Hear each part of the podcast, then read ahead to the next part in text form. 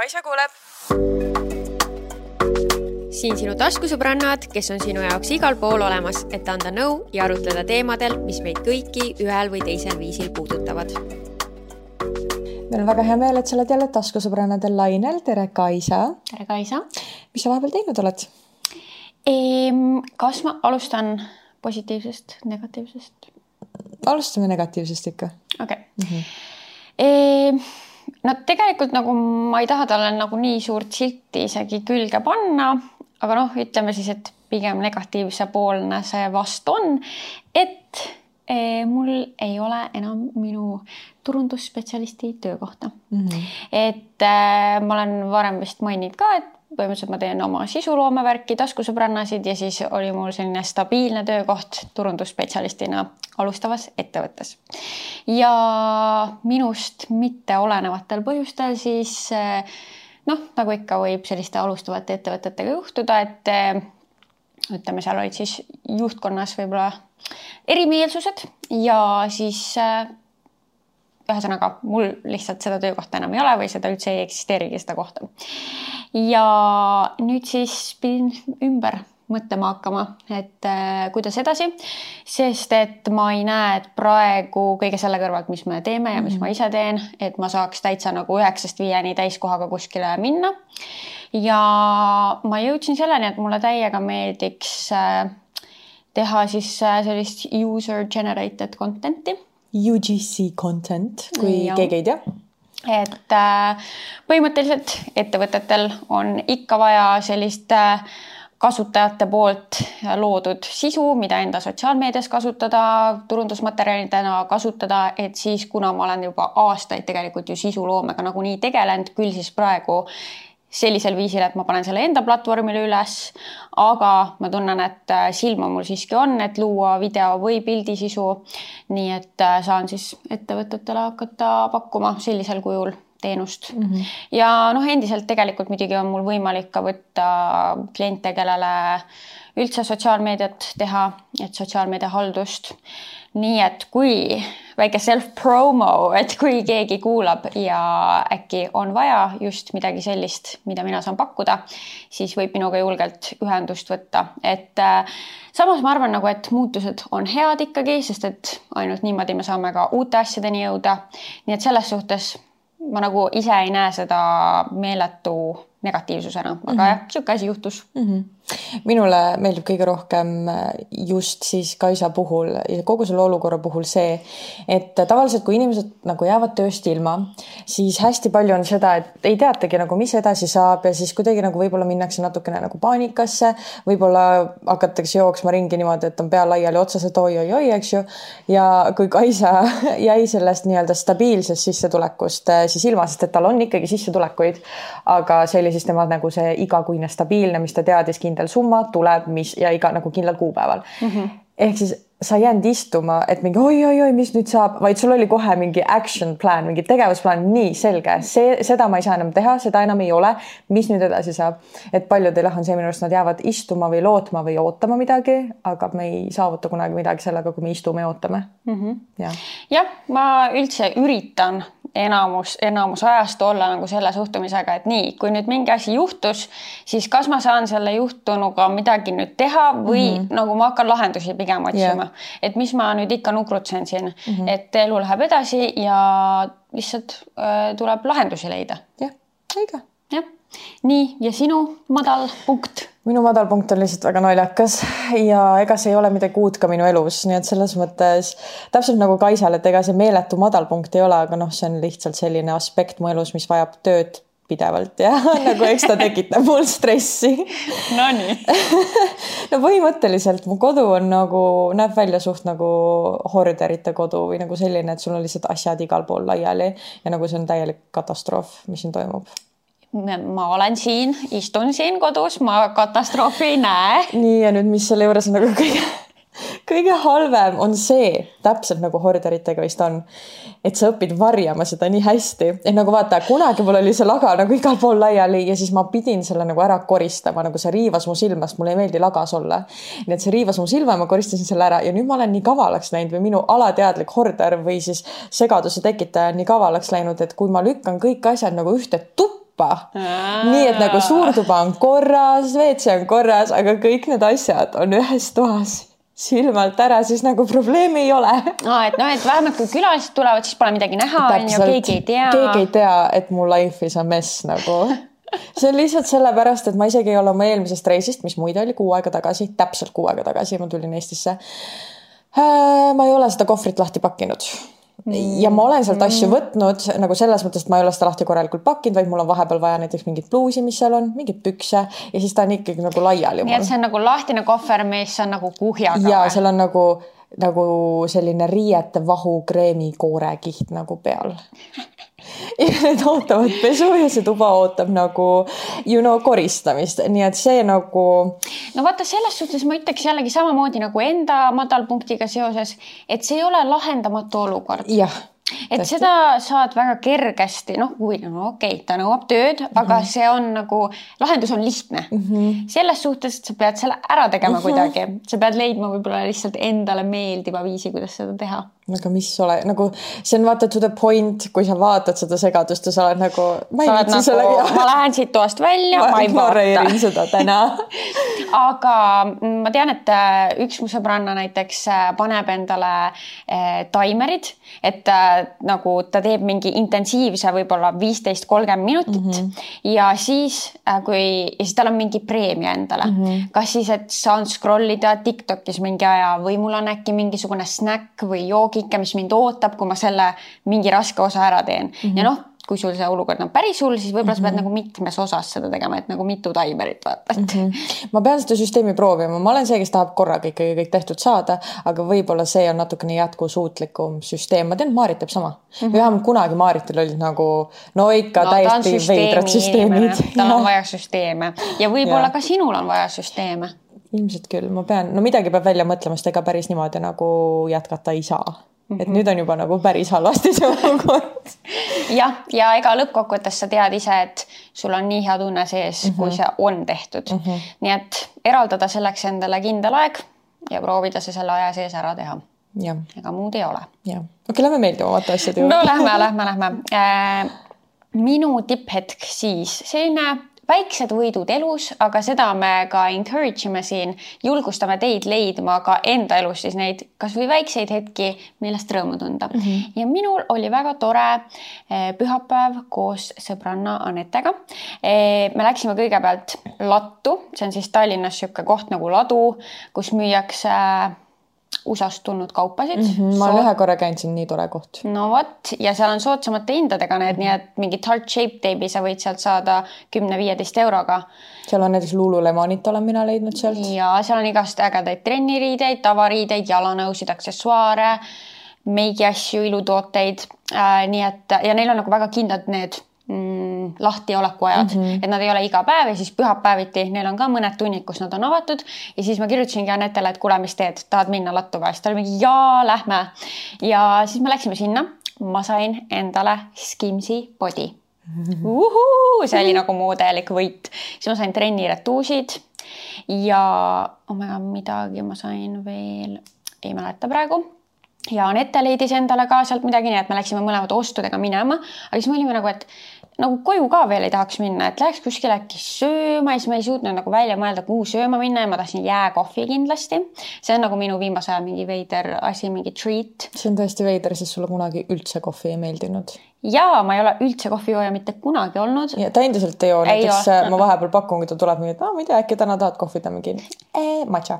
jah, et äh, ainult jääkohvi, sest siis ta ei ole nii tugeva maitsega ja või ma ütlen jäälatte mm, -hmm. et noh, seda piima peab hästi palju olema ja siis midagi magusat. et see, mis nagu mäskib selle mm -hmm. kohvi maitse tegelikult ära. okei okay,, ehk siis sa võiksid põhimõtteliselt külma piima juua. okei okay,, mitte päris, seal on see väike kohvi hint ikkagi mulle meeldib okay., aga ja siis me tegime hoopis äh, siukse autoteidi, me läksime Circle K-sse, võtsime endale mõlemad joogid, hot dogid, istusime Anette autos, jutustasime ja see oli nii tore. see on minu arust üks mu lemmikuid viise, kuidas isegi sõpradega aega veeta vahepeal, ma ei tea, there is something else about nagu istud, istud autos sõbraga, sööd mm -hmm. ja räägid juttu mm. -hmm see on, on nagu väga sihuke cozy atmosphere mm. -hmm. ja, ja me tavaliselt, ma ei tea, olen ka mingi paari sõbraga teinud nii, et võtame ka näiteks mingid söögid ja siis oleme mingi, et läheks näiteks pankrannikul päikseloojangut vaatama mm. -hmm. Lähedki kuskile mõnusasse kohta ka veel ja. restoratastel. Mm -hmm, no just mm. -hmm. jah, vot ja sinu kõrgpunkt? minu kõrgpunkt, kusjuures on sarnane sinu omaga. Nonii üllatavalt meil samal nädalal sama kõrgpunkt või noh, samas kas on süngis, nagu me oleme, eks ju. minu kõrgpunkt oli mõnus õhtu Marleeni ja Maritiga. mina või noh, me jooksime ei jooksnud isegi, kuidas ma hakkasin ah,, tuli meelde, ma olin Vilniuses ja siis äh, tuli välja, et Marleen oli ka Vilniuses ja me ei saanud kokku, aga me tegime videokõne ja mõtlesime, et kuule, me ei ole terve suve näinud, et võiks nagu nüüd lõpuks äkki sügisel kokku saada. nii ma läksingi nädala sees Marleeni juurde, me vaatasime Scream'i alati vaatame hästi veidraid filme temaga millegipärast. ja ta ütles, et ta kutsus Maariti ka ja me reaalselt lihtsalt tellisimegi toitu, vaatasime filme ja rääkisime juttu ja see oli täiesti nagu perfektne õhtu mu jaoks, nagu ülimõnus. jah, ma ei olnud nii ammu neid, noh, Maariti ma näen muidugi tihti, aga Marleeni ma näen suhteliselt harva. ehk siis ja see nagu üle pika aja oligi nagu nii palju sihukest catching up to do mm. -hmm. ja mm. -hmm. Täna on meil jälle ette võtta teie põnevad saladused. üks teie lemmikepisoodidest minu arust. ja, ja ikka täname teid kõiki, kes meile saadavad jätkuvalt Instagramis taskusobrannad. sealt story highlights idest leiate siis koha, kus saab anonüümselt saata meile oma saladusi. alati väga põnev lugeda, nii et saatke, saatke mm.. ja ma lasen sinul alustada kohe mm. -hmm. nii äh okei okay,, see on vist üks, eks ju? Mhm, okei. mulle ei meeldi, kui mu kutt joob, sest ta ei oska juua. kui ta on kaine, siis ma tunnen, kuidas ma nii armastan teda, aga kui me läheme peole, siis vahepeal on lausa nii piinlik, kuidas ta ei saa midagi aru ja kõik ainult naeravad ta üle hmm.. see jah, see ei tundu väga meeldiv olukord siis enda kutiga peol käia ei tea, kas kutil endal ei ole piinlik või nagu peale pidu või ta joob end nii mälli. äkki ta et... nagu ei mäleta vaata järgmine päev et mingi võib-olla või siis oma peas mõtleb, aa mingi ülifun oli nagu ahhaa. issand, ma mäletan kunagi noh, ise kui olin ka noor, mitte et ma oleks praegu vana, aga no kui ma olin teismeline ja siis sõitsin hommikul rongiga linna ja siis sa kuulsid, olidki mingid nagu poisid, kes olid mingid, oh my god, ülikõva pidu oli, ma ei mäleta sitta, aga, aga nii kõva pidu ja, oli. ja mingi pudel viina läks ära, mingi sihuke. et äh, ma ei tea, kui vanad need inimesed on, on ju siin see tüdruk mm -hmm. ja kutt siis, et võib-olla see on äkki nagu mingi faas. et kui te olete noored veel, siis noh, kuttidel eriti on nagu mingi vajadus tõestada, kui palju nad võivad ära juua mm. -hmm. mis noh, loodetavasti ta kasvab sellest välja, aga ma mõtlesin, et tead, mis mina võib-olla teeks isegi no.. ma mitte nüüd pahaga, aga ma võib-olla filmiks telefoniga mingeid neid olukordi, kus ta on täitsa mingi mällis, võib-olla ongi seda ka, kuidas teised mingi naeravad üle. ja näitaks talle hommikul sest et äkki ta ise nagu tõesti ei taju selle, selle olukorra nagu tõsidust, tõsidust jah mm, -hmm. või kui ebameeldiv see on.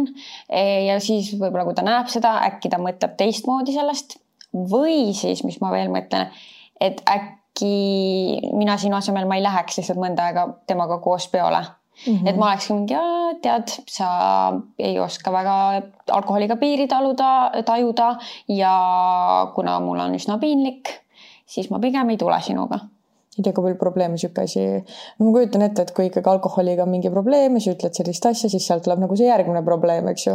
nojah, aga nagu. aga no peab ütlema. Nagu samas nagu, see jah, vajab rääkimist ja kui mm. inimene ei taha ise aru saada, siis võib-olla ongi hea, kui sa ei olegi seal peol, mitte isegi mingi ultimaatumina mm, -hmm. vaid no ma ei tea, nagu ei ole tõesti meeldiv äkki siis olla mm -hmm. seal. või siis no päriselt nagu leppige kokku mingi kindel kogus, et kui on tõesti vaja juua seda alkoholi, kuigi noh, tore on ka muidugi ilma, eks ju, pirutseda, aga kui tõesti nagu ei saa muud moodi, siis nagu pange koos paika mingi nagu mingi piir, mingi piir. Mm -hmm. jah, nõus mm. -hmm. nii äh,, ma olen oma pikaajalist Peikat kaks korda petnud mingi mõttetu suudlusega, sest me läksime kokku nii noorelt ja ma ei ole siis kunagi saanud niinimetatud sarvi maha joosta. ehk ma olen olnud eluaeg ainult temaga ja nüüd ma olen kakskümmend kolm. ja see oli sellel ajal, kui meil polnud asjad hästi, need suudlused siis mm. -hmm. ta ei tea siiamaani sellest, aga nüüd oleme me suhtes palju õnnelikumad ja ma ei usu, et ma talle kunagi sellest räägin. see lihtsalt vahepeal piinab mind ja ma nii kahetsen mm. -hmm.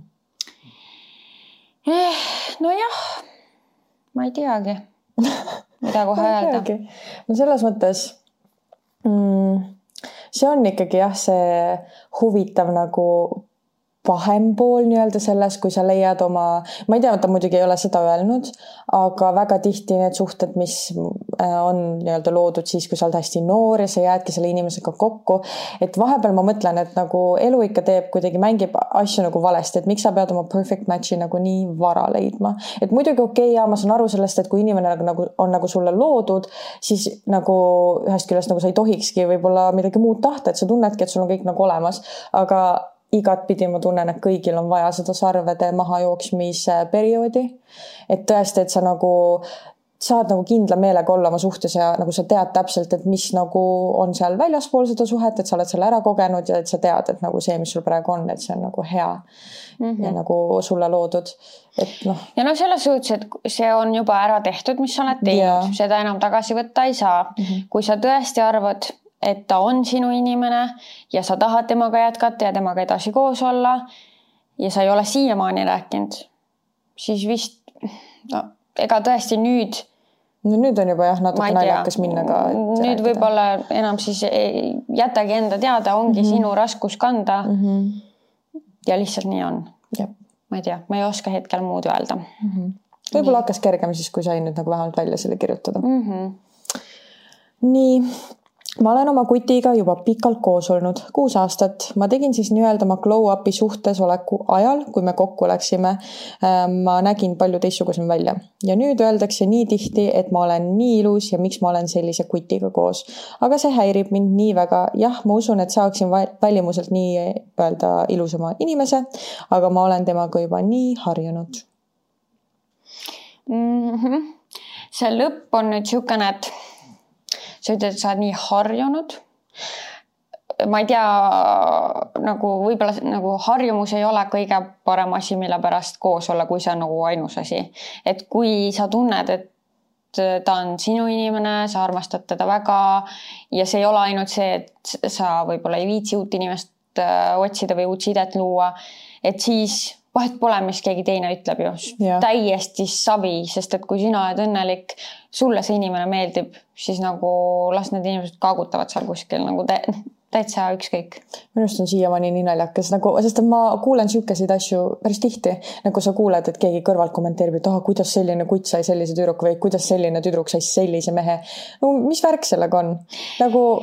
ja tead, äh, seda ma olen ka kuulnud, et koledamad mehed oskavad rohkem hoida neid ilusaid naisi, sellepärast et nad võib-olla tunnevadki, et see naine on out of their league või mm -hmm. nagu, et nad, nad peavad nagu rohkem vaeva nägema, et see naine tahaks nendega ikka koos olla. no ja pluss see ka, et siis, et sellel naisel on kogu aeg järjekord ukse taga ja et. jah, et ta saaks ju valida teise mm, -hmm. siis see mees peab piisavalt pingutama, et see valik oleks ikka tema mm. -hmm. see mitte võib-olla siis kõige atraktiivsem mees mm. -hmm et seda, seda ma olen kuulnud mm, -hmm. et, äh, et nii räägitakse ja noh, noh, samas, et selles suhtes muidugi nagu atraktiivsus suhtes on oluline aga see on nii niisugune nagu objektiivne.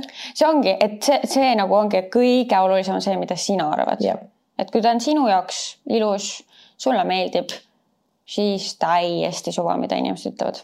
üks asi veel kas te olete tähele pannud, et sellised kesk, noh, ongi jällegi, eks ju, täiesti objektiivne või mingi niisugune. subjektiivne. subjektiivne, vabandust, ma kasutan vale sõna ja ma olin mingi, et see ei saa olla õige, et see ei ole subjektiivne, eks ju, on see kõik see välimuse hindamine niimoodi. aga nagu sellise keskpärase või kergelt nagu mitte kõige atraktiivsemad inimesed teevad kõige ilusamaid lapsi, nagu et neil tulevad reaalselt nii ilusad lapsed alati välja mitte absoluutselt, et dissida enda vanemaid. absoluutselt, mina ei ole seda öelnud, mina ei ole seda mõelnud, aga minu emps alati on mulle öelnud, et no vaata, et vanemad on noh, enda ja minu issi kohta siis, et noh, meie oleme siuksed noh, täitsa keskmised on ju ja vaat kui ilusad lapsed on tulnud eks reaalselt nagu, nagu, mõtle niimoodi seda räägitakse ka jah, kui see on mingi lohutus mm. -hmm. nii mul on siin nüüd huvitav lugu, millele ma tahan kindlasti lisada kommentaare, aga nii. ma jätsin oma poissõbra maha, sest ta pani mind alati proovile, et näha minu lojaalsust. ta elas seda üsna raskelt läbi. paar nädalat hiljem kuulsin, et ta on tablettidega üledoosi teinud ja suri tundsin end kohutavalt, nagu, nagu oleks see kõik minu süü. ma ei suutnud isegi tema matustele minna. kuid päev pärast matuseid sain tema numbrilt tekstsõnumi ja selgus, et ta polnudki surnud. see oli lihtsalt üks tema katsetest, et näha, kuidas ma reageerin. see kutt teeskles sõna otseses mõttes enda surma ja isegi saatis mulle siis sõnumi. teadmiseks, ma olen sinust üle saanud. I m sorry võib-olla siin eksisteerib väikene võimalus, et see on päris lugu. no algus ma arvaks küll, et on päris. aga ma ei usu, et see on päris. ja meil on tulnud veel mingisuguseid selliseid lugusid, mida ma olen Tiktokis näiteks ise näinud äh,. mitte eesti keeles siis. ja nagu ma lihtsalt tahan teile südamele panna, et ärge saatke väljamõeldud lugusid ma ei taha muidugi kellelegi liiga teha, ma usun, et crazy story sid on olemas, aga seda konkreetset ma ei usu, see on meie väike Eesti. ma lihtsalt ei usu, et päriselt mingi noor inimene. tõestab oma surma. jah, fake inud surma mm. -hmm. et selles suhtes äh, siis need episoodid kaotavad oma võlu, kui meil hakkavad olema nagu mingid fake story'd siin. utoopilised, mitte väga usutavad lood. jah, sest et siis me võiks sama hästi ise kahekesi välja mõelda teile siin lugusid mm -hmm. ja neid rääkida, aga see ei ole üldse nii põnev ja äge. et ikkagi jääme päris lugude juurde mm. -hmm. jah okay.. see nüüd on mitmes osas. Oh, okei okay., nii nägin kuueaastasena, kuidas mu vend üritas mu beebiporniga seksida. ta oli sellel hetkel viisteist. kohe, kui ta mind märkas, ütles ta mulle, et mängis nukuga ja paneb teda magama, kuigi ma sain sellest aru. tema arvas, et olen piisavalt väike ja unustan selle, aga nüüd otsustasin talle jõuludel vimka visata, viisteist aastat hiljem. ostsin siis talle beebiporni, pakkisin ilusti ära ja pakk jäi kuuse alla ootama. kogu pere tuli siis kokku, meie vanemad, mina ja minu kaaslane ja ka mu vend oma abikaasaga. pakk avades jäi juhuslikult beebiporni pakk viimaseks. mainin ruttu vahele, et ema oli köögis sama aeg, kui pakk avati. ja kui vend selle avas, arvasid kõik, et tema kaaslane on rase ja teatab talle sellest, aga oi, nii ju ei olnud. kõik olid segaduses, kuni köögist tuli ema ja ütles mu vennale kõvasti, vaata, et sa ei hakka seda beebiporni ka keppima. see hetk sain aru, et mu vanemal vennal oli sellega kunagi probleeme ja kui mu ema teadis ja ka mu ema teadis sellest, see oli meile terveks õhtuks naljakas ja piinlikkuseks mu vennale ta pekki. see on ka nagu natuke sihuke lugu, et ma ei tea, kas nagu, kas päriselt on nii. päriselt. sest ma mõtlen, et. ei no ma tean, et tegelikult inimesi on nagu. ei, veidraid inimesi on, aga kui me nüüd hästi tehniliseks läheme no,, et nii. kuhu sa sellele. tõesti jah, kuhu sa beebipornile selle topid, seal ei ole ju, seal on ainult see pisikene auk seal suus, millega sa toidad ja seda. all on ka mingi pisike auk. väga hästi, pisike, kust tuleb pisike. see söök nii-öelda välja siis. jaa et nagu ma sellest osast täpselt ei saa aru, aga oletame, et oli päriselt sihuke lugu, onju. tead, minu üks esimesi mõtteid on nagu see, et äh, see on ju räme red flag sellele venna elukaaslasele. või nagu midagi nagu siin on ju paigast ära no sa mõtled seda, et see, et beebiporn on justkui nagu titt, esindab titt last ja, ja et ta beebit. paneb beebit. jah pigem nagu on red flag, aga tahaks nagu mõelda, et äkki see oli lihtsalt, et tõesti tal oli nii tugev seksuaalsus ja kuna tal ei olnud seda seksnukku, et siis ta võttis lihtsalt mingi esimese nuku, mis ta ette. tiinekana poisid, me oleme kuulnud, et teevad, teevad mingeid crazy sid asju, üritavad oma peenist toppida, kuhu ei ole vaja toppida. aga no ma ei tea, väga bold move muidugi kinkida see oma vennale. aga ma kujutan ette tõesti, mõtle, su vanemad arvavadki, et nad saavad nüüd lapse, lapse. oh my god nii piinlik ja nii õudne. ma ei tahaks seal olla. ei tahaks olla ei see vend, ei see eluga, noh abikaasa. ega see ema, ega ei. üldse mitte keegi seal loos, aga nagu ma mõtlen, et võib-olla ikkagi, kui see nagu päriselt oli mingi probleem, siis nagu psühholoogi abi oleks. äkki nad sai, äkki sai? ei tea, see oli viisteist aastat. nagu viskab nalja selle üle, siis äkki jah, on sellega tegeletud või sellest räägitud kunagi aga no ma ei tea. igatpidi väga veider lugu mm. -hmm. Mm -hmm.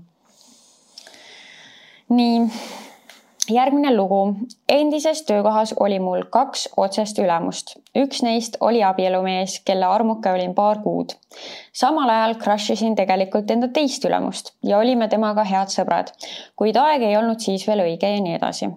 lõpuks läksime koos selle teise ülemusega tööreisile, kus üks asi viis teiseni.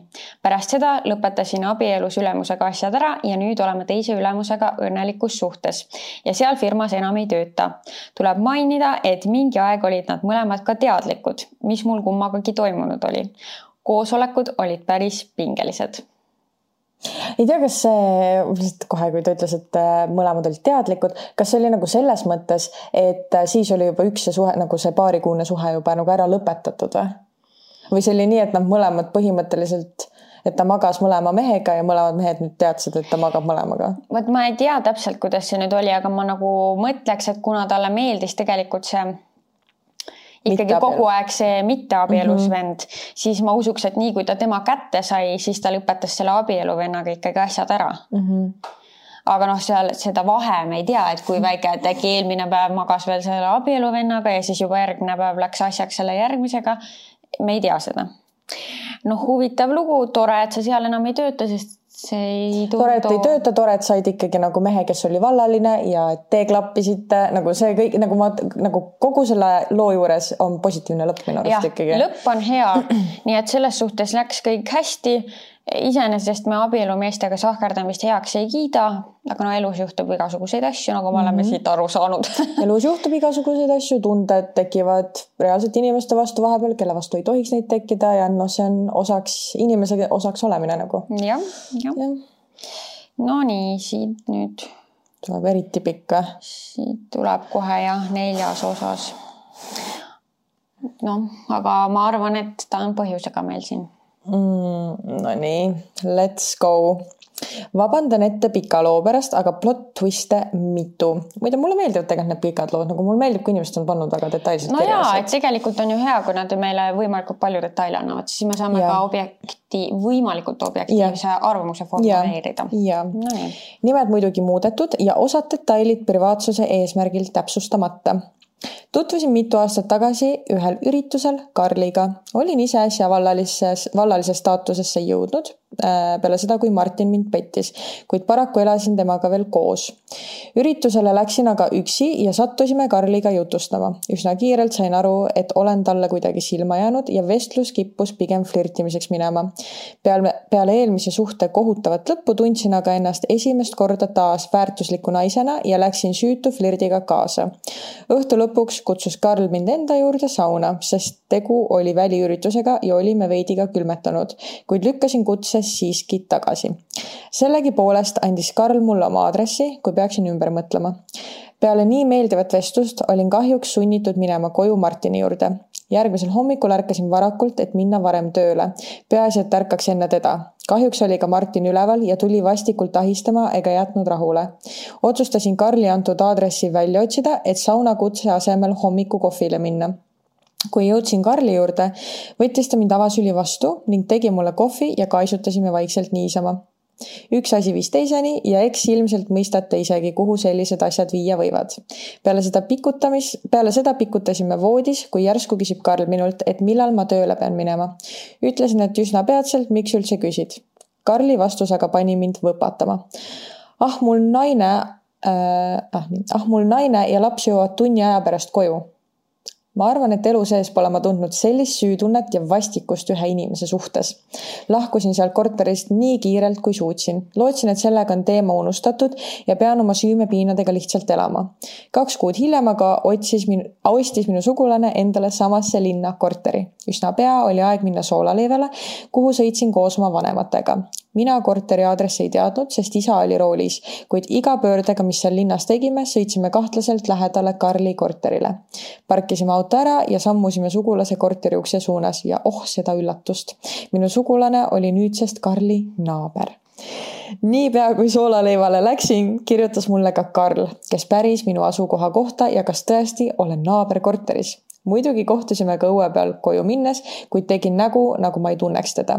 iga kord sugulase juures käies näen nii Karli, tema naist kui ka nende väikest last ja ei suuda siiamaani endale andestada, et langesin sellisesse lõksu. Endal on süümepiinad tohutud, aga Karl ilmselt neist väga ei hooli, sest üritab siiamaani meie ühekordset seiklut, seiklust pikemaks venitada ja kohtuda. lisaks sellele on Karl ja minu sugulane nüüdseks väga head sõbrad ja kardan tohutult, et meie saladus tuleb välja ja rikub Karli naise ja lapse elu. Vau, vau. Neid plot twist'e oli tõesti mitu ja see on Eesti väike konnatiik. nojah, Eestis võib juhtuda väga kergelt selliseid asju tõesti. Äh, no Karl Munn. tõesti? Äh, miks petad enda naist? ma mõtlen seda, et kuidas sa nagu, ma oletan siis, et ta ei kandnud abielusõrmust, äkki ta no. ei olnudki abielus jah, seda me ei tea jah. ja noh, ta ütles, vaata see tüdruk või naine ilmselgelt on nagu, tunneb nii tugevaid süümepiinu ja kardab, et välja tuleb esiteks tema ei peaks süümepiinu tundma, sest ta isegi ei olnud teadlik sellisest olukorrast, aga ja. teiseks, kuidas sa üldse nagu, kuidas sa teed kindlaks, kas mees on abielus või mitte, kui sa lähed klubisse, sest et kui sa hakkad mehega seal rääkima või nagu keegi tuleb sinuga rääkima, siis ei ole esimene küsimus, mis sa esitad, on sa, oled sa muidu abielus või on sul lapsed või? ja teiseks, kui ta juba sinuga flirdib, siis ega ta ei ütle sulle seal mm -mm. ilmselt, et jah mm, -mm. olen. ta tahab sind ikkagi voodisse saada ja võib-olla siis ütleb pärast, nagu siin siis oli, et selles suhtes tõesti nagu ära nagu endale liialt palju süüd pane, sest tõesti sa lihtsalt ei teadnud sellest, oleksid sa teadnud, sa ei oleks seda teinud, on ju. Äh, nüüd teine asi. ma nagu liialt palju ei muretseks sellepärast, et see välja tuleb mm. -hmm. sest et Karl ei taha ju seda nagunii rääkida, miks ta peaks, tema mm, -hmm. tema huvides on ju ka see, et see oleks äh, saladus mm -hmm. ja no sina ise ei räägi nagunii yeah.. et kõigi huvides on see, et see jääb saladuseks mm. -hmm. nii et selles suhtes ma nagu väga ei, ei näe võimalust. aga süümetundest või süümepiinadest võid vabalt lahti lasta, sa ei ole mitte midagi selles mõttes valesti teinud, nagu sinu poolt ei ole midagi valesti tehtud. nagu täpselt nagu Kaisa ütles, oleks sa teadnud, sa ei oleks seda teinud ja see ongi kõige tähtsam, et sa ise nagu ütleks seda endale minu arust mm -hmm.. jah. nii, võtame järgmise, kuulasin teie viimast podcast'i vanuse kohta suhtes. Teil oli juttu sellest, et mida saab politsei teha sellise juhtumiga. meie koolis oli tüdruk, kes liikus ringi halva kambaga. mingil hetkel hakkasid liikuma jutud, et ta on koos kahekümne kahe aastase kutiga. ise oli ta sellel hetkel kaksteist muidugi alguses keegi ei võtnud seda tõsiselt, aga siis hakkasid tulema Insta story'd koos selle mehega. see mees muidugi oma sotsiaalmeedias seda ei avalikustanud, kuid tüdruk küll. asi läks nii kaugele, et nad hakkasid juba üksteisel öösiti külas käima. tüdruku vanemaid see ei huvitanud ja poisivanemad olid ka pohvistlikud selles suhtes, ise teavad, mis teevad lõpuks jõudsid jutud õpetajani ja nemad ei jäänud niisama istuma, mindi politseisse. kuid poiss ja tüdruk eitasid, et nad midagi teinud on, muidugi on see ilmselge vale, kuid politsei ei saanud midagi teha. praeguseks on nad juba üle aasta koos ja keegi midagi teha ei saa. see kutt on tuntud juba selle poolest, et lõi külge noorematele ja ega ta kõige normaalsem peast polnud, kui seda, kuid seda, et ta nii noori vaatab, poleks keegi oodanud. kui vana see kutt oli? Nüüd siis kakskümmend kolm ja tüdruk on kolmteist. ja vanematel? on suva. ma ei saa sellest aru.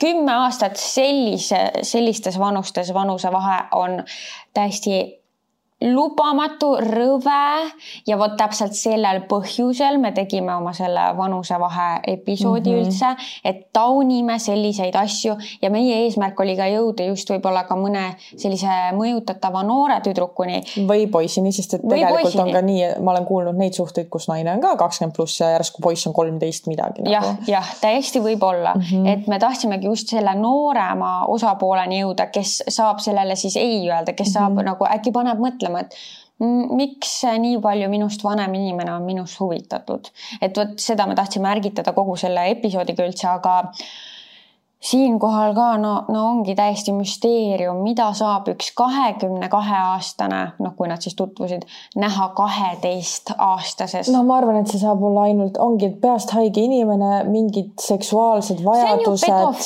see ongi pedofiilia, see, see on. ongi peast haige inimene ja ainuke, mida ta saab seal näha, ongi seksuaalsus, ma arvan, või see, et oh. et ta saab sealt oma raha, vajadused, vajadused rahuldatud yeah.. Mm -hmm. no tore, et need õpetajad üritasid sekkuda yeah., aga nagu näha, siis jah, kui ei toimi toimi. osapooled ise eitavad. ja mul ongi tunne, et alati, minu arust me seal vanuse seal ütlesime ka, et, et üldjuhul ikkagi nad eitavad ja ma arvan, see tuleneb sellest, et äh, see vanem osapool siis ütleb sellele nooremale, et kuule, et aga kui keegi küsib, siis kindlasti ütle nagu, et ei ole midagi olnud mm. -hmm. nagu ma arvan, et seal on ka mingit sorti ikkagi manipulatsioon. ja, ja, ja ma arvan ka, et muidugi huvitav, et millised vanemad need siis sellel tüdrukul on et.... ja poisil ka nagu, kui sul sihuke poeg ja mõtle, mõtle, kui juhtub nii, et su kahekümne kahe aastane poeg siis nii-öelda teeb raseda või noh, nagu nad jäävad rasedaks seal kaheteistaastase tüdrukuga. ja neid juhtumeid on Eestis. oh no, no, no, noh jah, see on, see on kohutav, laps ei tohiks last saada, nagu see ei ole, see ei ole normaalne mitte mingiski maailmas. nagu reaalselt kaheteist, kolmeteistaastased, võib-olla isegi neliteist, nagu olge lapsed, nautige seda, et ei pea mingite suhteprobleemide ja mingi meestega tegelema, te ei kuju, teil on nii palju aega tulevikus, et sellega tegeleda. ja nagu ausalt, see on nii tore kui veel sa ei pea sellise draama ja üldse nagu selliste asjadega tegelema. jah tõesti, et äh, küll seda kõike veel elus tuleb mm, -hmm. jõuab kõike seda, ära üldse muretse, see eluetapp on veel ees mm. -hmm. et nagu võtame rahulikult. ei ole kiiret selle kiire asjaga mm. -hmm. nii, lugu siis selline. olen viimased paar aastat oma mental health'iga jamas olnud keegi otseselt ei tea, et midagi viga on, aga vahepeal emps kahtlustas. suve alguses vanemad lahutasid ja see andis suu uue raske paugu vaimsele tervisele.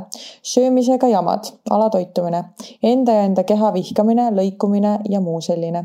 empsil ei taha rääkida, ta ainult õiendaks selle peale, midagi kasulikku ei teeks. pluss ei usalda teda, sest räägib alati kõik enda sõbrannadele edasi, isegi isaga suht sama seis, nende arust olen ma ise äh, see ideaalne laps, kellel hinded korras, elus kõik hästi ja nii edasi. reaalsus on aga vastupidine, igaks juhuks ütlen, olen viieteistaastane mm,. väga kurb. minu arust, ma olen kunagi öelnud, et kui ma peaks lapsi, lapsi planeerima või tahtma, siis ma tahan alati olla see ema või tekitada oma lapses see nii suur usaldus, et äh, ta julgeks selliste probleemidega tulla mu poole, sest et praegu ilmselgelt, mis me näeme, ema ainult õiendaks. ja see on nii klassikaline minu arust reaktsioon lapsevanematel muidugi siin on see, et praegusel juhul sa ennustad mida su ema teeb.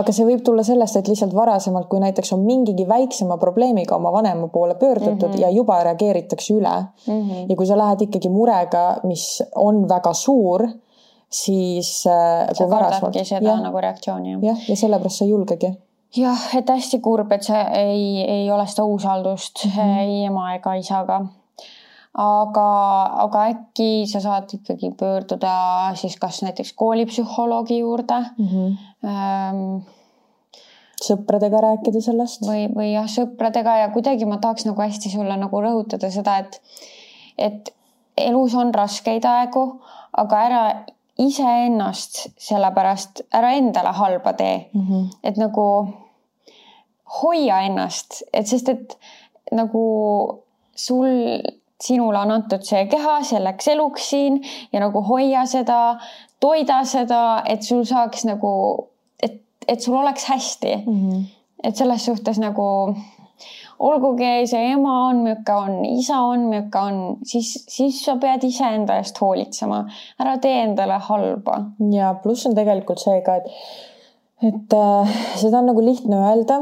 Mm,, väga raske äh, teha, olen ise olnud samas olukorras just nagu selle alatoitumisega, nii et sellepärast ma saangi öelda, et nagu lihtne öelda, raske teha, aga kui sa seda läbi teed, see on nagu nii rewarding, et nagu leia see põhjus, kus see mental health või nii-öelda jah, see mentaalne tervis sul allamäge hakkas minema. et mis see nagu juurpõhjus on, miks see nagu halb on. et muidugi jah, nagu ma aru saan, siis see, et see äh, vanemate lahutus, et kas äh, mis seal nagu taga on, et on lihtsalt see, et sa ei saa mõlemaga vanemaga koos olla, kas sa süüdistad iseennast, et nad lahku läksid, et mis see nagu, see on üks faktor, nagu ma aru saan mm. -hmm. aga üleüldiselt ja, et nagu ürita aru saada, mis see nagu on, mis sind viis praegu sinna punkti, kus sa oled. jah, ja äkki sa saad seda juurpõhjust, kas siis parandada või kuidagi ka iseendale äkki loogiliselt ära seletada, miks see ei või, miks see võiks mitte sind niimoodi mõjutada mm -hmm. või aga ma täiega mõistan seda, noh, ongi ma küll kõike muud, kõik see e, nagu lõikumine, asjad.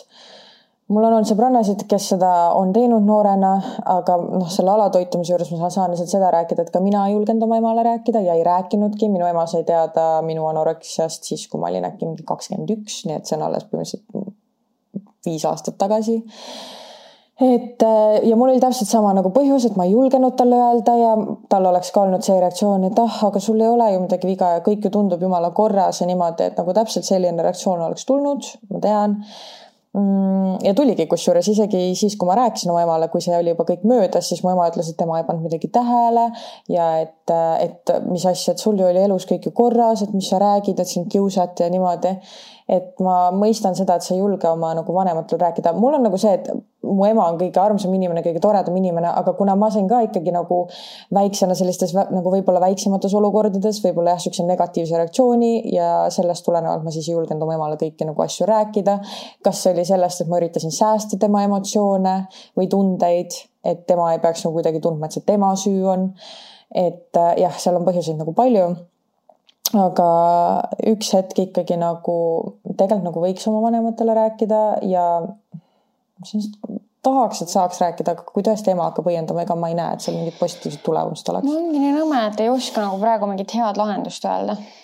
et äh, kellegagi ikkagi räägi ja. ilmselt see koolipsühholoogi sõbrad on need, kes on nagu. ja, ja, jah, ja hoia ennast. jah, läheb paremaks kindlasti läheb paremaks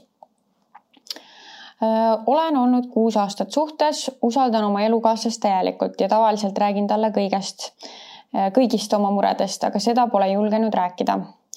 üsna suhte alguses olime peol sõbra majas ja seal oli ka minu kuti parim sõber. oh my god, ma juba tean, kus see läheb raudselt. okei räägi ühel hetkel läksin teisele korrusele vetsu ja kui väljusin, siis ootas mind ukse taga kuti parim sõber. ta kutsus mind magamistuppa ettekäändega millestki tähtsast rääkida ja ma läksin, sest ei olnud põhjust teda mitte uskuda. sellel õhtul selles magamistoas see niinimetatud sõber vägistas mind. ma ei ole sellest mitte kellelegi rääkinud, väldin seda inimest täielikult ja kui tean, et tema kuskil koosviibimisel või üritusel on, siis jätan minemata ühesõnaga, et tegelikult see sõber ei peaks isegi absoluutselt su läheduses olema ja selles seltskonnas enam olema ja sellega peaks politseisse minema. esiteks politsei teiseks. räägi oma kutile. räägi kindlasti oma kutile, sest ma, ma saan aru, seal taga ilmselt on hirm. et ei usuta, miks mu parim sõber peaks seda tegema täpselt nagu sina olid, aga miks ma peaks midagi kartma.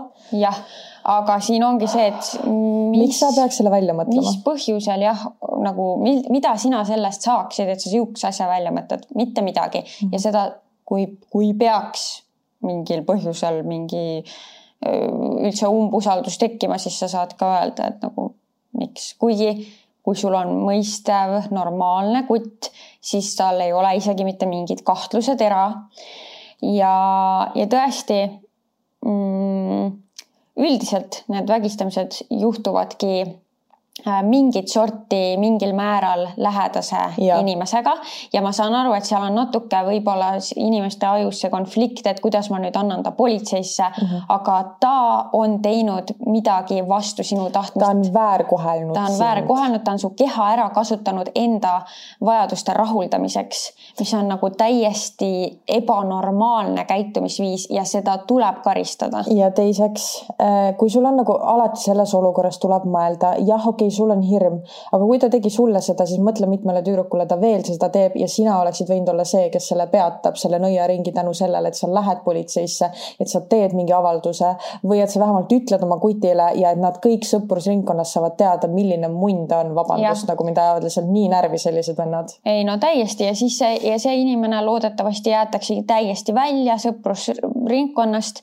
et see on täiesti nagu taunitav käitumisviis ja nagu ma saan aru, et sellistes olukordades paljudel tüdrukutel on ka mingi süütunne, et äkki ma ise tegin midagi provotseerisin, kandsin liiga avarat bluusi. no mis iganes, aga need ükski ei ole mitte mingisugune põhjendus, mitte mingisugune ei. vabandus. sina ei ole siin olukorras mitte, mitte midagi valesti teinud.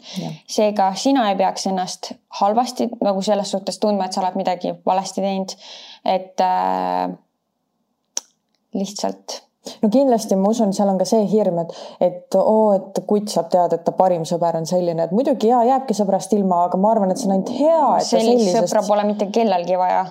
ta ei tahakski ju ilmselgelt, su kutt ei tahakski sõber olla.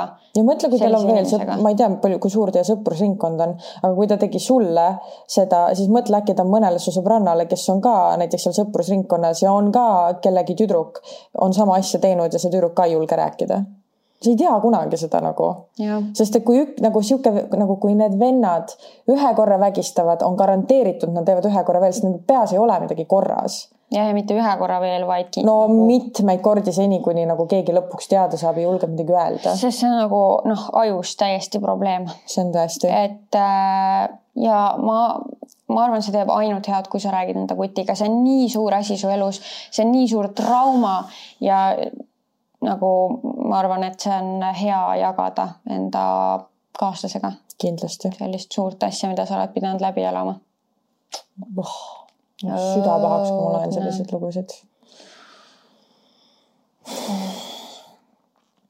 minu saladus, see juhtus siis, kui olin umbes seitsme-kaheksa aastane, reaalselt pärast selliseid lugusid, mis eelmine oli, ma kardan nagu sihukese algusega. jaa, ma olen mingi oh my god, oh my god. mis nüüd tuleb kõikidel mu sõbrannadel olid uhked telefonid ning mul veel polnud ja teadsin, et ema ei osta mulle veel sellist telefoni oh. okei, siit tuleb midagi light-hearted olin sellega leppinud, kuid tegin väga suure vea. varastasin enda nüüdseks endise sõbranna telefoni üheks päevaks tema kotist trennilaagris ning kasutasin seda, nagu see oleks minu oma. õhtu lõpuks panin telefoni tagasi talle kotti, kuigi ta oli seda juba terve päev otsinud ja paanikas. nüüdseks olen aru saanud, et kadedus ei ole põhjus, et nii käituda, kuid pole sellest kellelegi rääkinud. see on veits nagu sihuke. see on vähemalt light-hearted tõesti. tõesti uh, ähm ma, minu küsimus on see, et kas keegi pannud tähele esiteks, et sul on mingi uus telefon käes ja teiseks, et see on väga sarnane selle sõbranna telefoniga ja kas sõbranna ei vaadanud kordagi su kätte või sa tegid seda, et kasutasid kuskil nurga taga seda? kuskil põõsas oli see telefon, no ma ei tea jah, et kuidas see täpselt nagu välja nägi, aga selles suhtes tore, et sa oled aru saanud mm, -hmm. et see käitumisviis ei ole kõige parem. ja ma ei teagi, mul tuleb lihtsalt meelde enda lapsepõlvest lugu kui ma olin täiesti totakas, lollakas, asjadest aru ei saanud, raha väärtusest ka ilmselt aru ei saanud ja minul oli vaja siis seda liugklapiga telefoni, see, mis nagu üles läheb mm, -hmm. aga mul oli see, et tavaline klapiga telefon. issand. ja siis ma ei tahtnud seda klapiga telefoni enam ja, ja rääkimine ei aidanud. vanemad ütlesid, aga see toimib siis ma otsustasin, et tuleb teha nii, et see enam ei töötaks ja ma viskasin sõbrannaga lihtsalt korduvalt seda telefoni vastu asfaltit. issand jumal. ainult kriimud tulid peale. ja sa pidid, said uue siis või? aga ma mõne aja möödudes ikkagi sain uue, ma ei tea, kas ma siis käisin nii palju vanematele ajudele või mis see siis oli. igatahes ma sain selle liuklapiga telefoni, aga ma ei soovita seda käitumisviisi, sellepärast et sinu vanemad on need vaesed inimesed, kes peavad enda taskust selle lolluse kinni maksma ja nad teenivad seda raha raskelt iga päev töötades üldiselt, ütleme, kui me väga üldiselt räägime. et äh, palun ärge rikkuge vara, mis teil on, kui te ei ole seda ise ostnud mm. -hmm. naljakas ka. et huvitav, kuidas ikkagi nagu lapsena su aju töötab. et okei okay,, mul on vaja uut telefoni, vanemad ei osta, aga nad ütlesid, et seni kuni töötab, siis kasutad seda, selge, lõhume ära. no tea, aga ma, ma natukene lükkaks süüd enda ühe kunagise sõbranna kaela okay. ka, ta oli niisugune natuke viigertis mõnikord. siis ta, sest ma, ma ei tea, võib-olla mul oleks üksinda ka see idee pähe tulnud, aga tihti meil tulid koos mingid halvad mõtted. meil tulid Marleeniga siuksed lollused no, pähe ja, ja, ja alati on see, et ikkagi kahekesi tulevad. ja kahe ideed. ajuga mõeldakse neid idiootsusi välja nii hea. see minu lugeda nüüd või? sa lugesid? ja, see on sinu lugeda mm. -hmm, nii mm. -hmm olin oma eelmise kutiga koos mitu aastat, tihti on and off ja ega see väga tervislik suhe polnud. olin väga-väga-väga armunud ja võib öelda, et ta minu esimene armastus kaks aastat tagasi läksime lahku ning olen uues õnnelikus suhtes, kuid taban ennast tihti oma eksile mõtlemast. Ja tean, et olen uues suhtes ja päriselt esimest korda tunnen ennast armastatuna ja minust hoolitakse, aga need mõtted mõlguvad endiselt ja eksiga kaasnes mingit laadi põnevus ja särin oli suurem no selles mõttes mitte, et ma teaks, sest et mul on olnud ainult üks elukaaslane, aga nii palju, kui ma kuulnud olen sõbrannadelt, kellel on olnud mitu partnerit. Äh, nad ütlevad, et sa jääd alati armastama ikkagi neid partnereid, et mingi osa sinust ikkagi jääb neid igatsema.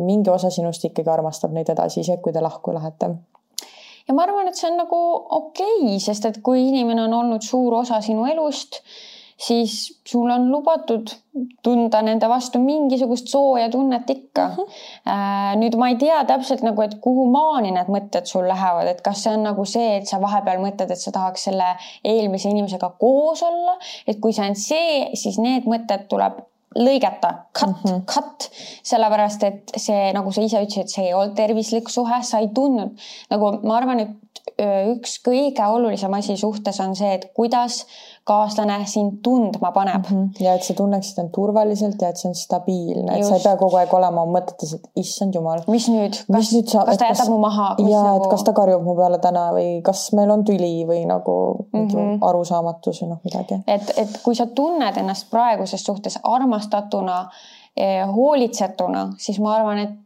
need on ühed kõige olulisemad asjad, mida, mida me kõik tahame oma suhetes tunda mm. -hmm. ehk siis selles suhtes sul on ju väga hästi ja ma saan aru, et see ebastabiilsus võib põnev olla, aga kas me nüüd elu lõpuni tahame siis seda põnevust, ma ei tea, mis täpselt sinu goal'id võib-olla elus on, aga noh, kui sa tahad mingi lapsi, pere luua, abielluda, siis pigem soovitaks nagu stabiilse suhte pealt nende asjadeni mm -hmm. jõuda.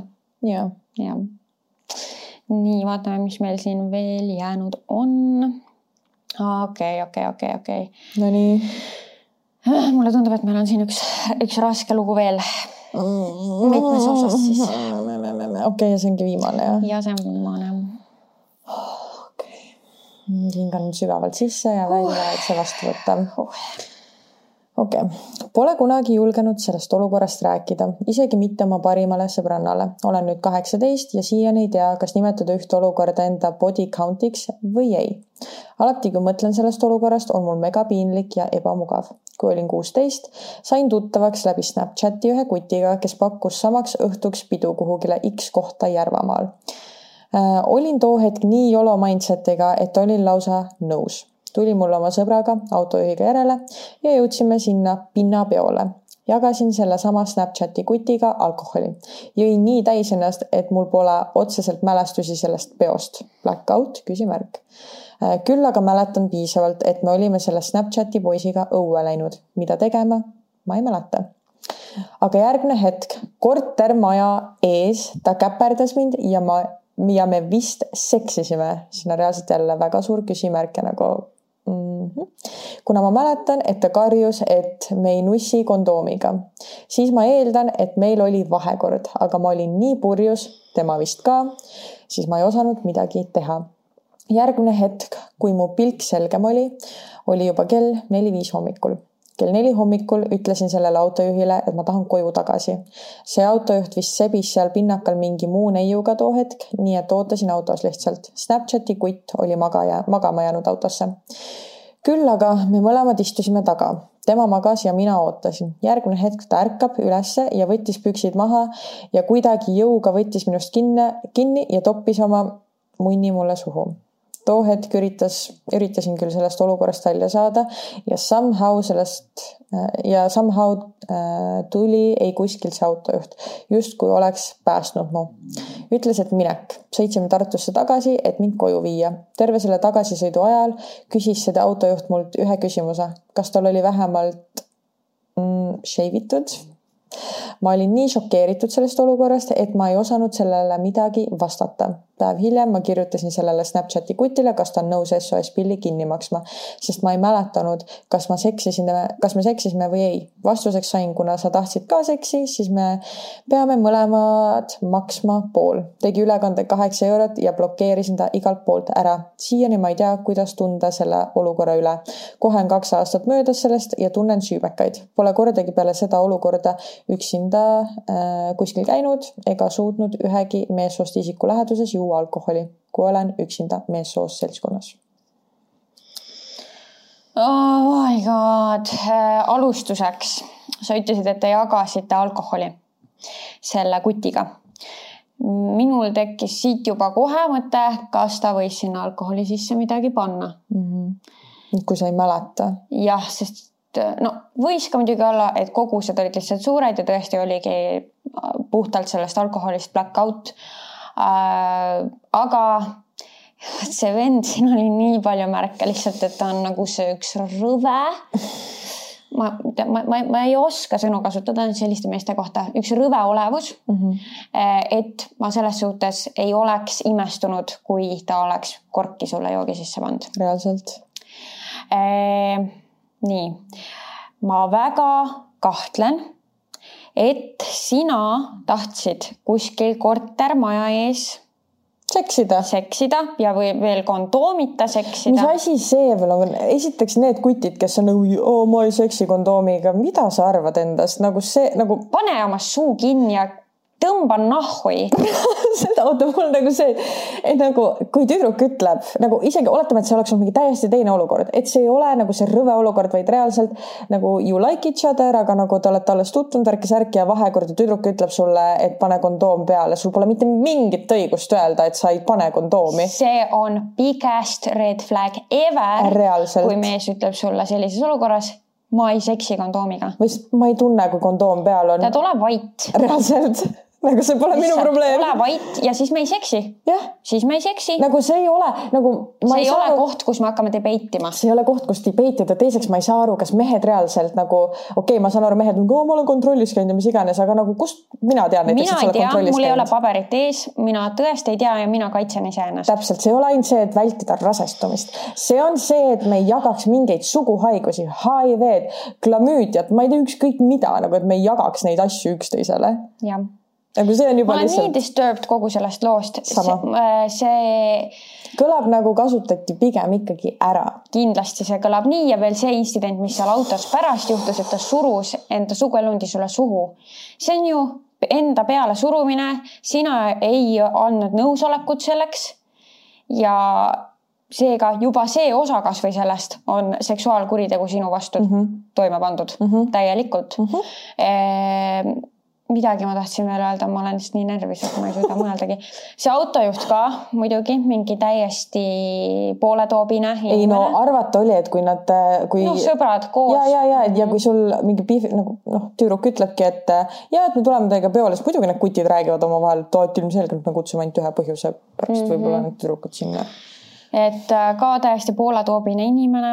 Äh, kui kellelgi juhtub sellist olukorda, ma ei, ma ei tea küll, sinu puhul ma ei oska hetkel öelda, kas mm -hmm. väga suurt kasu enam on politseisse minemisest, aga südamerahuks võid ikka minna. lihtsalt, miks on alati hea nagu väga vahetult peale seda, kui miski juhtub minna. siis saab tõestada. just, siis ja. on asitõendeid veel. et Äh, ja sul on täiesti õigus ennast halvasti või tunda negatiivseid tundeid selles -hmm. suhtes, mis juhtus see õhtu mm. -hmm. nagu, mis siis, et sa olid joonud. üldse mehed, äkki ei seksiks tüdrukutega, kes on täiesti lädras. nii, et nad ei saa isegi vastust anda. jah mitte, ma ei tahtnud nagu üldse halvustada. nagu naudivad, ei, ei, ei, lihtsalt. aga nagu, et noh, liiga purjus, noh nagu kas, aga vot ja siis on äkki mingid täiesti mingid haiged mehed, kes naudivad seda, et nad nagu, et tüdruk ei saa vastu midagi teha, see on seesama see vägistamise mentaliteet no,, nagu. ilmselt siis jah, et äh, äkki võiks nagu teha siukse kokkuleppe kõik inimesed, et kui üks osapooltest on võimetu andma nõusolekut täie mõistuse juures, siis jätame selle seksi teiseks korraks mm. -hmm. ei ole vaja ei ole vaja. ja ma arvan, et see sinu lõplik järeldus siit et ei joo meessoo seltskonna juures alkoholi. kui üksinda oled. jah, kui üksinda, see ei ole absoluutselt minu arust halb ja tegelikult ega seda alkoholi pole nii palju vaja ka. et, et tõesti, kui sa oled üksinda meessoost inimestega, tead, võib-olla tõesti jätagi see alkohol tarbimata. Ja, ja tõesti ei ole ka tark idee üksinda võõraste meestega kuskile teise täiesti kohta kaugele sõita see, see lihtsalt siin on nii palju, suur võimalus tähendab, et midagi läheb nihu, et parem üldse mitte seda võimalust võtta. ja pluss on nagu see, et, et ma saan aru, ilmselt see turvatunde tekitas see, et sa, ta oli mingi sõbrannaga koos ju? ei olnud täitsa üksinda. ta ütles, et YOLO mentaliteet ah,. ja, ja, ja, ja, ja, no ma saan aru, noortel on, pole seda tunnetust, taju nii väga. no ei ole ohutunnet nii palju. ohutunnet ja, ja mõtled, ah minuga ei juhtu või ah, mis siin ikka ikka no,. ega me ei saa öelda, eks me oleme ise ka siukse mentaliteediga. kindlasti oleme lolli asju teinud, mida ei, ei, nüüd vaataks, et ei ole mõistlik. Aga jah, tuleb ette mõelda, tuleb ennast kaitsta mm -hmm. ja pipragaasid kõigil kotti. ja reaalselt minu vend alati hoolitseb selle eest, et mul on pipragaas alati kaasas nagu Õnneks Eestis meil on lubatud pipragaas, ma arvan, see on ainult hea asi. ma ei ole kuulnud sellest, et keegi väga kuritarvitaks mm -hmm. seda, mhm. nii et ma arvan, et see on põhjusega lubatud ja pange kotti mm. -hmm. aga ma tahaks kindlasti nende lugudega nii tüdrukutele kui poistele, sest et endiselt jah, meil ei ole see, et ainult tüdrukud langevad mingi ärakasutamise või väärkohtlemise ohvriks, on ka mehi, kes langevad selle väärkohtlemise, vägistamise ohvriks. on lihtsalt statistiliselt naisi langeb meeletult palju rohkem, aga jah, mõlemat pidi võib olla. igatpidi kui see juhtub sinuga, on sinuga juhtunud eh, või siis sinuga ei ole veel juhtunud ja jumala eest ma loodan, et kellegagi ei juhtu sellist asja, kuigi noh, elu näitab, et iga päev juhtub selliseid asju, aga kui sinuga ei ole juhtunud ja kunagi peaks juhtuma, siis palun mine politseisse, sest et reaalselt sina oled see, kelle, tänu kellele võib-olla see kutt noh, tõesti, okei okay,, need ähm, karistused on suht leebed meil veel Eestis, aga vähemalt tal jääb märge maha. võib-olla ta ikkagi istub paar aastat kinni, et nagu tal on mingid tagajärjed sellele teole, sest et kui sina ei räägi, siis ta läheb järgmise juurde ja teeb ja järgmise juurde ja teeb. võib-olla sa satud uuesti selle inimese ohvriks, sa ei tea kunagi seni, kuni see inimene on vabaduses või siis nagu, et tal ei ole mitte mingit tagajärgi siuksel teol. jah, et ma, ma ka väga ärgitan, olgu see su lähedane, mitte lähedane, ta on pannud toime kuriteo mm -hmm. sinu vastu, ta on teinud midagi, mida ta ei tohiks mitte kunagi teha ja seega tuleb minna politseisse. jah, on see su parim sõber, on see su kutisõber, on see su mingi sõbranna, sugulane, sugulane, vanaisa, ükskõik kes, ei loe. ei loe. selles olukorras Nad tõesti ei loe. vastutama enda tegude eest ja nii lihtsalt on. jah, ja isegi kui sa arvad, et sind ei usuta, keegi ikka usub, politsei ikka usub, politsei Muidugi. ei võta kergekäeliselt vägistamisjuhtumeid. nii et jah, oled sa noor, oled sa juba vanem, pole vahet, oled sa kümme, oled sa viiskümmend, oled sa kakskümmend viis nagu igatpidi nagu mine ja tee oma suu lahti. jah, jah, sest et halba see ei tee mm, -mm. mitte ühelgi juhul see ei tee halba sinule mm. -mm. vähemalt ja. ei tee olukorda hullemaks, kui see oli. jah, kindlasti mitte. Äh, igal juhul äh, raske südamega võtame selle episoodi kokku ja ma ei tea, ma ei oskagi. mul on suhteliselt raske olla praegu. et äh, loodame, et äh, siit on vähemalt midagi õppida mm -hmm. või sai siit kasulikku infot mm, -hmm. natuke ikka oli meelelahutust ka. või tuge. või tuge. said südamelt kergemaks selle koorma. jah, et aitäh, et ja. kuulasid, vaatasid. näeme järgmises episoodis tšau, tšau..